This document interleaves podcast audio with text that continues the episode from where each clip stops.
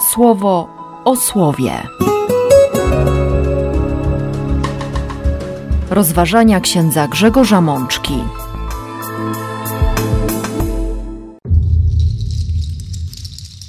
Dwudziesta ósma niedziela zwykła, rok C. Z drugiej księgi królewskiej. Oto przekonałem się, że na całej ziemi nie ma Boga, jak tylko w Izraelu. Psalmu 98. Pamięta o swoim miłosierdziu dla Jakuba i o swojej życzliwości dla domu Izraela. Z drugiego listu świętego Pawła do Tymoteusza. Wiarygodna jest ta nauka. Z Ewangelii według świętego Łukasza. Podnieś się i idź. Twoja wiara cię wyzwoliła. Siostry i bracia, kolejna niedziela zachęca nas do tego, żebyśmy wspólnie zatrzymali się przed Słowem Bożym, spotkali Boga, który chce się z nami spotykać, czyli po prostu odpowiedzieli na Jego zaproszenie, by słuchać, by być posłusznym, by odkrywać, by, by karmić się, by ciągle nie wyjść i nie pozwolić sobie na osłabnięcie tej fascynacji, naszego zachwytu Bogiem, Jego Słowem, a jednocześnie, by przypadkiem nie przegapić tych momentów, w których Bóg pokazuje nam bardzo wyraźnie, że zachwyca się nami, że jesteśmy Jego autentycznym, niepowtarzalnym, wyjątkowym, unikalnym arcydziełem. Może dziwnie to brzmi w kontekście dzisiejszych czytań, szczególnie pierwszego i trzeciego, gdy słyszymy o chorobie trądu, ale Bóg nie rzuca słów na wiatr. I intuicja, zarówno biblijna, jak i narodu wybranego, ale też intuicja Kościoła, podpowiada nam, żebyśmy zatrzymali się na moment i ucieszyli tym Bożym zachwytem. A zatem cztery słowa o zachwycie Boga i o tym, co Bóg, chciałoby się powiedzieć, sprowokowany tym zachwytem, robi dla nas.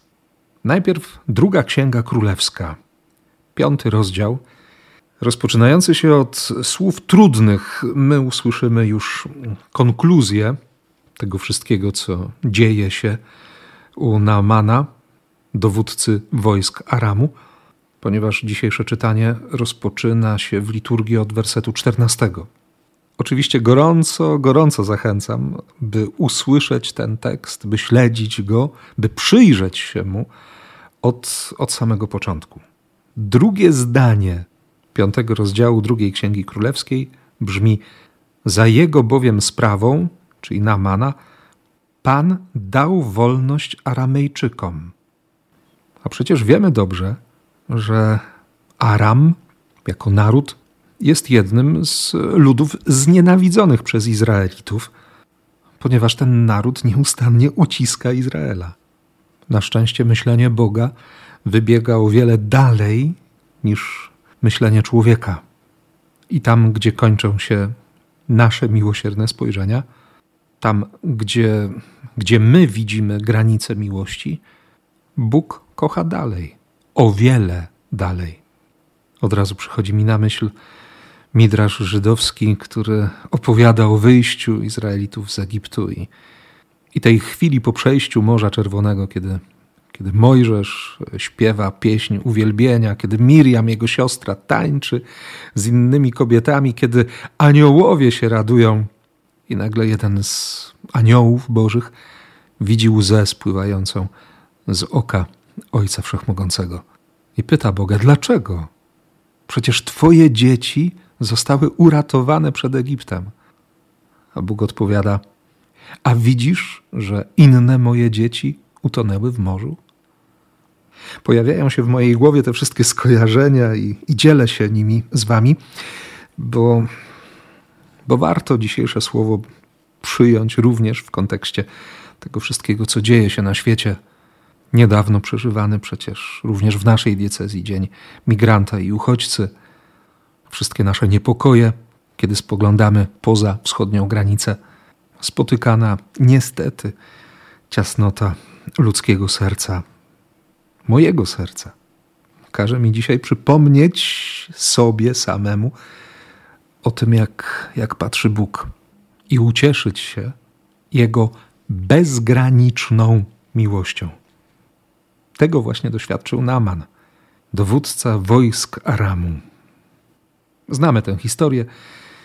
Człowiek obsypany trądem, czy doświadczający jakiejś choroby skóry, czegoś, co, co stanowiło zagrożenie nie tylko ze względu na pogarszający się stan zdrowia, ale, ale również na przyszłość, na jego stanowisko, pełnioną funkcję, czaiło się gdzieś z tyłu głowy jako mocno sprecyzowany lęk o to, co będzie dalej.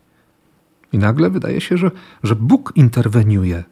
Jedna z niewolnic, notabene kobieta uprowadzona z terenów Izraela, mówi o proroku Bożym, tym w Samarii, który mógłby zaradzić nieszczęściu Naamana. I faktycznie, z listami polecającymi Naaman podróżuje, staje przed królem Izraela, ten rozdziera szaty. Na szczęście Elizeusz dowiaduje się o tej wizycie, każe przyjść Naamanowi do siebie, nawet nie wychodzi z domu, tylko przez swojego sługę Gehaziego wydaje polecenie, by chory wykąpał się siedem razy w Jordanie, co oczywiście spotyka się z, z buntem wewnętrznym, bo przecież są lepsze rzeki, są lepsze wody. Dlaczego taki Jordan? Na szczęście słudzy Naamana przekonują swojego pana, by, by ten wypełnił polecenie proroka, i, i nagle okazuje się, że posłuszeństwo przynosi uzdrowienie. Wiemy dobrze, że, że choroba, że trudności mogą prowadzić do jakiegoś wewnętrznego zgorzknienia, do zgryźliwości, do, do niewiary w to, że coś może się zmienić. Czasami nawet tak bardzo przyzwyczajamy się do złego stanu rzeczy, że nie potrafimy spodziewać się niczego dobrego. To bardzo bolesne doświadczenie. Z jednej strony zamknięte serce, nieumiejące przyjąć jakiejkolwiek zmiany, choć tej zmiany bardzo pragnie, serce, które nie wierzy, które nie potrafi zaufać, bo zostało już tak wiele razy zranione. Nie chodzi tylko o, o chorobę fizyczną, o zewnętrzne pogorszenie stanu zdrowia, ale, ale chodzi też o sferę emocji, uczuć, o tę naszą tak delikatnie skonstruowaną psychikę. Możliwości zranienia człowieka jest naprawdę bardzo wiele.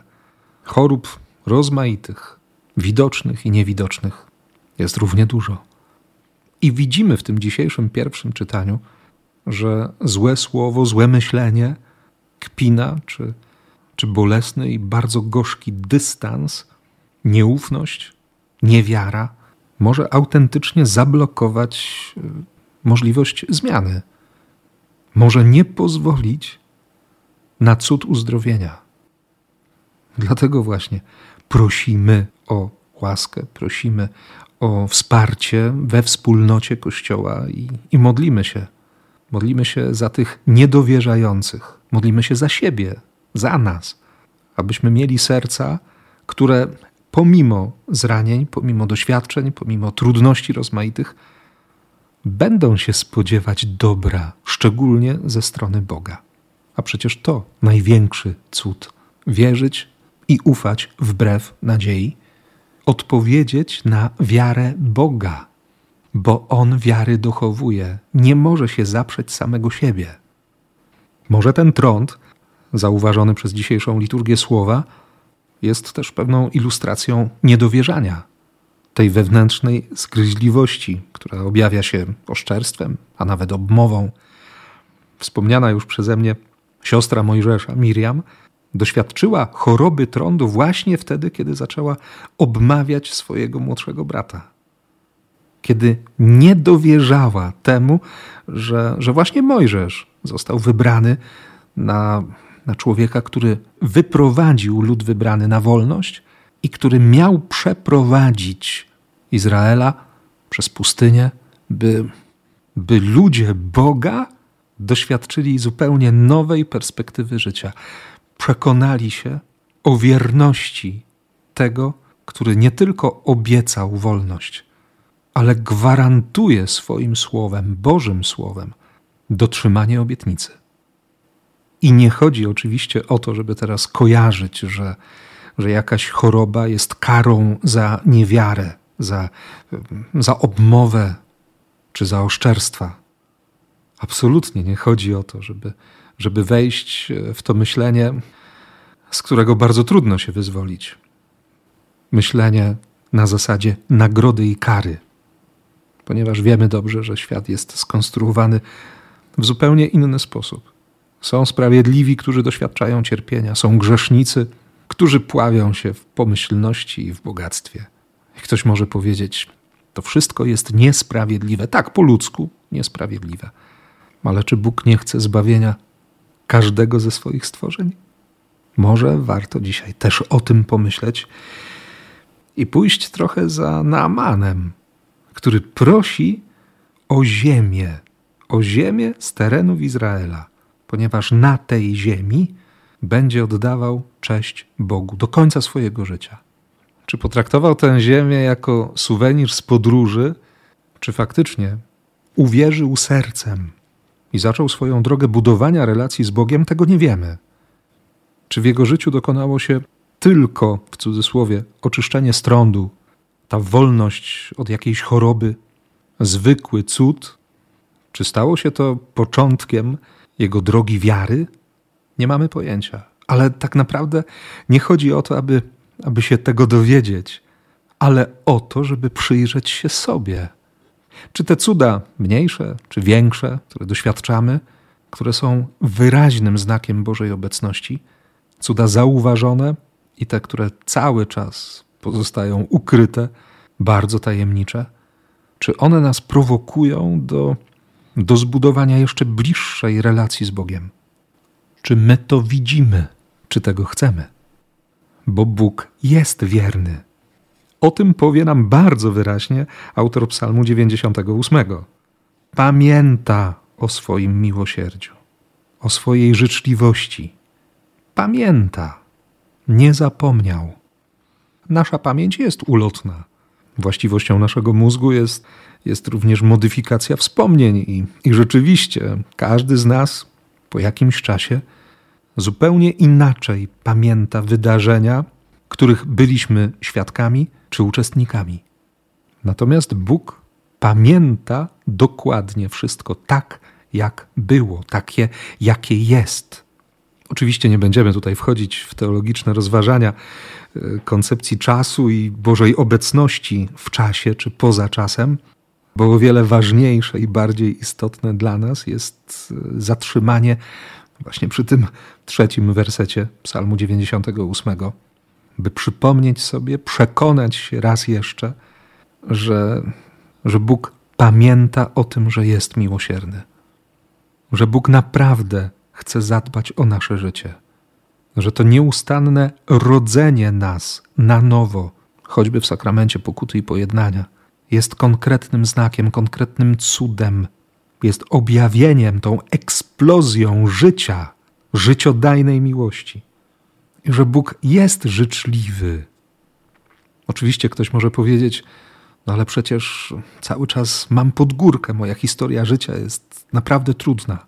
Tak, trudno zaprzeczyć wydarzeniom, sytuacjom, takim historiom, które, które odbierają jakąkolwiek możliwość komentarza, bo, bo zatrzymują oddech i, i przy odrobinie empatii człowiekowi serce staje z powodu ogromu cierpienia doświadczanego przez, przez siostry i braci. Ale czy to ma być dowód Bożej nieczułości, oddalenia, zapomnienia?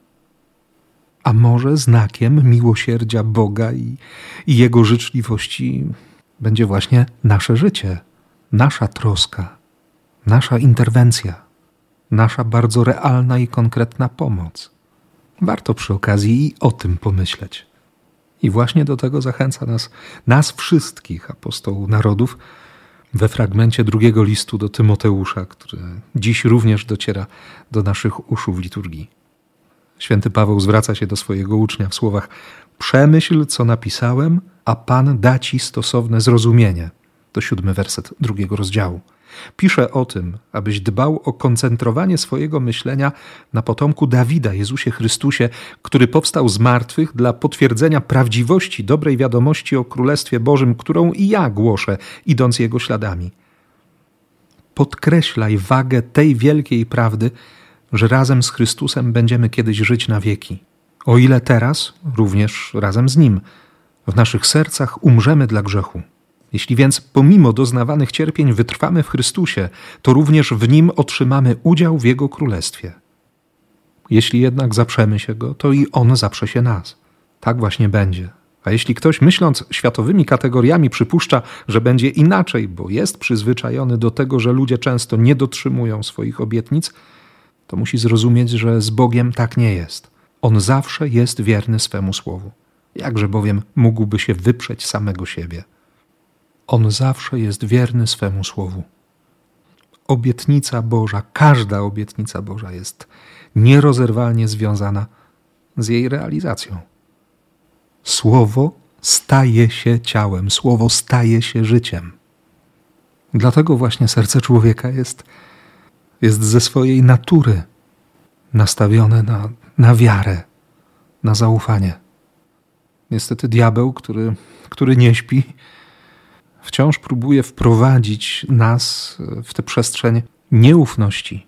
Chce nauczyć nas postawy niewiary, odebrać nam tę wrażliwość serca, która daje przekonanie i pozwala szeroko otwierać oczy na dowody miłości, na fundamentalne, najgłębsze przekonanie o tym, że jesteśmy dziećmi Boga, że możemy wyciągać ręce i mówić do Ojca: Abba, tato. Taka postawa serca wykracza poza religijność, poza sztywne trzymanie się przepisów. Taka postawa serca uczy, że dekalog to obietnica i otwiera człowieka na, na autentyczną wdzięczność za każdą przyjętą łaskę, każdą objawioną łaskę, każdą rozpoznaną i nierozpoznaną łaskę. Przypominają się od razu słowa świętego Pawła z pierwszego listu do Koryntian. W czwartym rozdziale, w siódmym wersecie przeczytamy: Czy ktokolwiek z Was jest lepszy od drugiego lub ma coś, czego by sam nie otrzymał od Boga? A skoro wszystko, co macie, pochodzi od Najwyższego, to dlaczego tak się nadymacie, jakby cokolwiek było Waszą zasługą? Serce dziecka, ufające, spodziewające się wszystkiego dobrego, otwarte. Serce wierzące. Dlatego dzisiaj Jezus, chciałoby się powiedzieć, z pewnym rozczarowaniem komentuje postawę trendowatych, którzy doświadczyli uzdrowienia, doświadczyli oczyszczenia, ale nie sprowokowało ich to do głębszej relacji z Bogiem. Iść pokazać się kapłanom, tak, to oczywiste. Można się przyzwyczaić do cudów. Można żyć w przekonaniu, że że wszystko się nam należy. Można nie pielęgnować w sobie wdzięczności. Można rzucać tylko zdawkowe dziękuję, bez autentycznego zatrzymania się i, i przekonania o tym, że, że warto być wdzięcznym. Nie dlatego, żeby wdzięcznością uzależnić kogoś od siebie i brać więcej i więcej i więcej ale właśnie dlatego, że traktuje się poważnie słowa świętego Pawła, które przed momentem przypomniałem. Do Jezusa wraca, głośno wielbiąc Boga, i pada przed nim na twarz, by dziękować, Samarytanin. Człowiek, który przebywał z pozostałymi dziewięcioma trędowatymi, i był przez nich tolerowany, pewnie tylko dlatego, że doświadczał tego samego cierpienia, że też był wykluczony ze swojej społeczności. Święty Łukasz bardzo precyzyjnie zaznacza w swojej redakcji Ewangelii, że, że to właśnie Samarytanin wrócił, by podziękować, by uwielbić Boga. Doświadczenie uzdrowienia otwarło jego serce i przygotowało do drogi wiary, bo o tym mówi Jezus Wstań już i ruszaj w swoją drogę. Wstań i idź. Podnieś się i idź. W języku greckim użyte przez ewangelistę słowa mówią o cudzie zmartwychwstania. Wstań, powstań, zmartwychwstań i idź. Idź dalej, wejdź na tę drogę. Zaufanie, jakie okazałeś Bogu, otworzyło ci drogę zbawienia. Tak, dziś jest najlepszy dzień, żeby przyjąć zbawienie.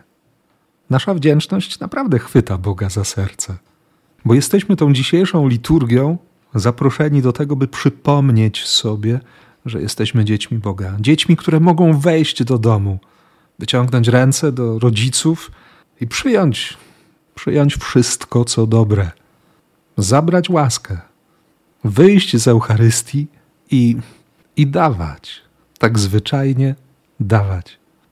Miłosierdzie, przebaczenie, uśmiech, zainteresowanie, troskę, życzliwość i tak dalej, i tak dalej. Więc niech tak się stanie. Amen słowo o słowie.